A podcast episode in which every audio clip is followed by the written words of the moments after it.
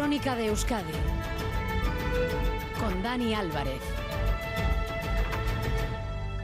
A el Lendakari Urcuyu recibe respuesta a sus toques a norte y sur para evitar el aislamiento ferroviario de Euskadi. Macron desde París y Pedro Sánchez desde Madrid responden a sus cartas. Le aseguran que tienen muy presente el proyecto ferroviario pero de momento siguen sin aclarar fechas. Fermín Alberdi. Por carta María Aire ha intentado Íñigo Urcullu que el tren de alta velocidad esté a tiempo. El Lendakari envió por dos veces sendas misivas al presidente francés Emmanuel Macron y al español Pedro Sánchez. Como presidente de turno del eje atlántico y de la comunidad transfronteriza, Urcullu fue respondido por ambos, también por carta. Sánchez le dijo que España llegará a tiempo hasta Irún. Macron dedica en su texto bonitas palabras a la cooperación, pero no desmiente que Francia retrasará hasta 2042 la alta velocidad a Endaya. Dos asuntos han centrado esta semana el pulso por el protagonismo en Madrid entre Euskal Herria Bildu y el Partido Nacionalista Vasco. Uno, el acuerdo entre EH Bildu y el Gobierno sobre las pensiones de viudedad. Y dos, el fracaso de la reforma de la ley Mordaza. Esta mañana ha estado en Boulevard la portavoz de EH Bildu, Bacarcho Ruiz. Y anoche en Gambara, Aitor Esteban. Doble secuencia. Una buena noticia, un muy buen acuerdo. Está bien, pero en Euskadi no tiene efecto práctico. No se entiende muy bien ese intento de restar valor a los acuerdos, es un síntoma de nerviosismo. La ley Mordaza, envolverse con esto en el, en el no es bastante incomprensible. Si alguien pretende buscar excusas para defender lo indefendible, nos da el nivel de a qué estamos llegando. El BBVA hace otro guiño a Bilbao al celebrar en la capital vizcaína su junta de accionistas, justo en la semana de las turbulencias financieras, la caída del Silicon Valley y el rescate del Credit Suisse. El BBVA a lo suyo, ni le afecta ni le afectará en el futuro según proclama su presidente, Irache Ruiz. De hecho, se ha presentado ante los accionistas con los mejores resultados de la historia de la entidad bajo el brazo. El año pasado tuvieron unos beneficios superiores a los 6.000 millones de euros. El presidente del BBVA ha destacado que encaran este ejercicio con perspectivas de crecimiento y subraya a Carlos Torres que en tiempos de incertidumbre y turbulencias el Banco Bilbaíno es un valor seguro, sólido y fuerte. La Junta debe aprobar hoy repartir más de 3.000 millones de euros entre los accionistas, 30 céntimos por acción. Francia vive desde las 3 de la tarde de ayer, cuando se supo que Macron y su gobierno iban a aprobar por decreto la reforma de las pensiones, las horas más convulsas de los últimos años. Las protestas derivaron en disturbios en la capital y en otras ciudades, y hoy se ha informado de que los detenidos son ya más de 300. Esta mañana han continuado los paros y las protestas en diferentes puntos del país. Desde París informa Olat Simón. Los sindicatos llamaron anoche a multiplicar las acciones locales y de proximidad en todo el país y eso es lo que estamos viendo hoy en numerosos puntos en toda Francia. En los puertos de Le Havre o Marsella, grupos de manifestantes organizados por los sindicatos han cortado los accesos durante horas y se están llevando a cabo también diversos bloqueos en las estaciones de Rennes o Toulon.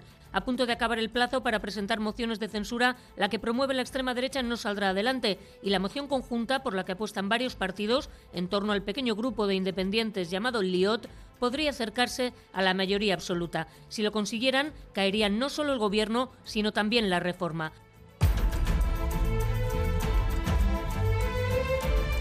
Condenas de 3 a 6 años para los ocho menores implicados en la paliza a Alessandro y Ionita en Sornoza. Hay otros ocho adultos a la espera de sentencia. El joven, que cumple 25 años en abril, sigue necesitando rehabilitación en su entorno esperan castigos ejemplares. Xavier Madariaga. El juez del caso considera probado que intentaron matar al joven. Fue el verano de 2021. En la paliza participaron 16 personas, la mitad menores de edad, la otra mitad adultos. Hoy tenemos encima de la mesa la sentencia de los menores. Para ellos, la familia de Alexander cree que tienen que tener un castigo ejemplar.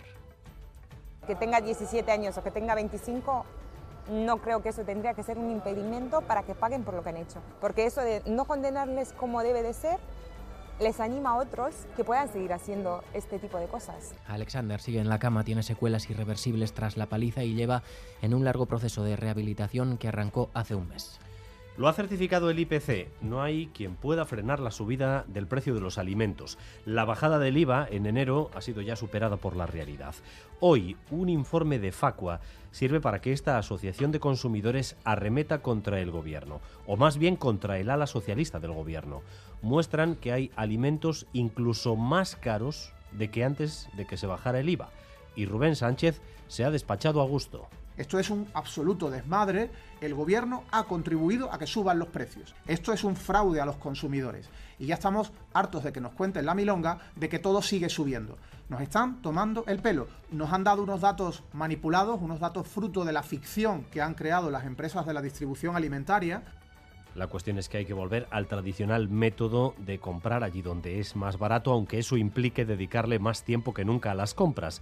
Hay algunas aplicaciones de móvil que nos indican dónde tenemos el mejor precio, aunque de momento no se han popularizado demasiado. Eso sí, sigue habiendo trucos inconfundibles para ahorrar sobre todo comparar unos supermercados con otros y luego normalmente marcas blancas, pues la carne justo que igual esté a punto de tal para que nos salga más barato. Normalmente lo marcan en el, en el mismo producto. La leche y eso que gasto voy al Lidl porque está más barata. Y las demás cosas cojo, suelo coger en el BM. Hombre, sí comparo algún supermercado con otro y también miro alguna marca blanca. Pues dependiendo de las ofertas me muevo de un supermercado a otro porque claro, ha subido mucho la compra.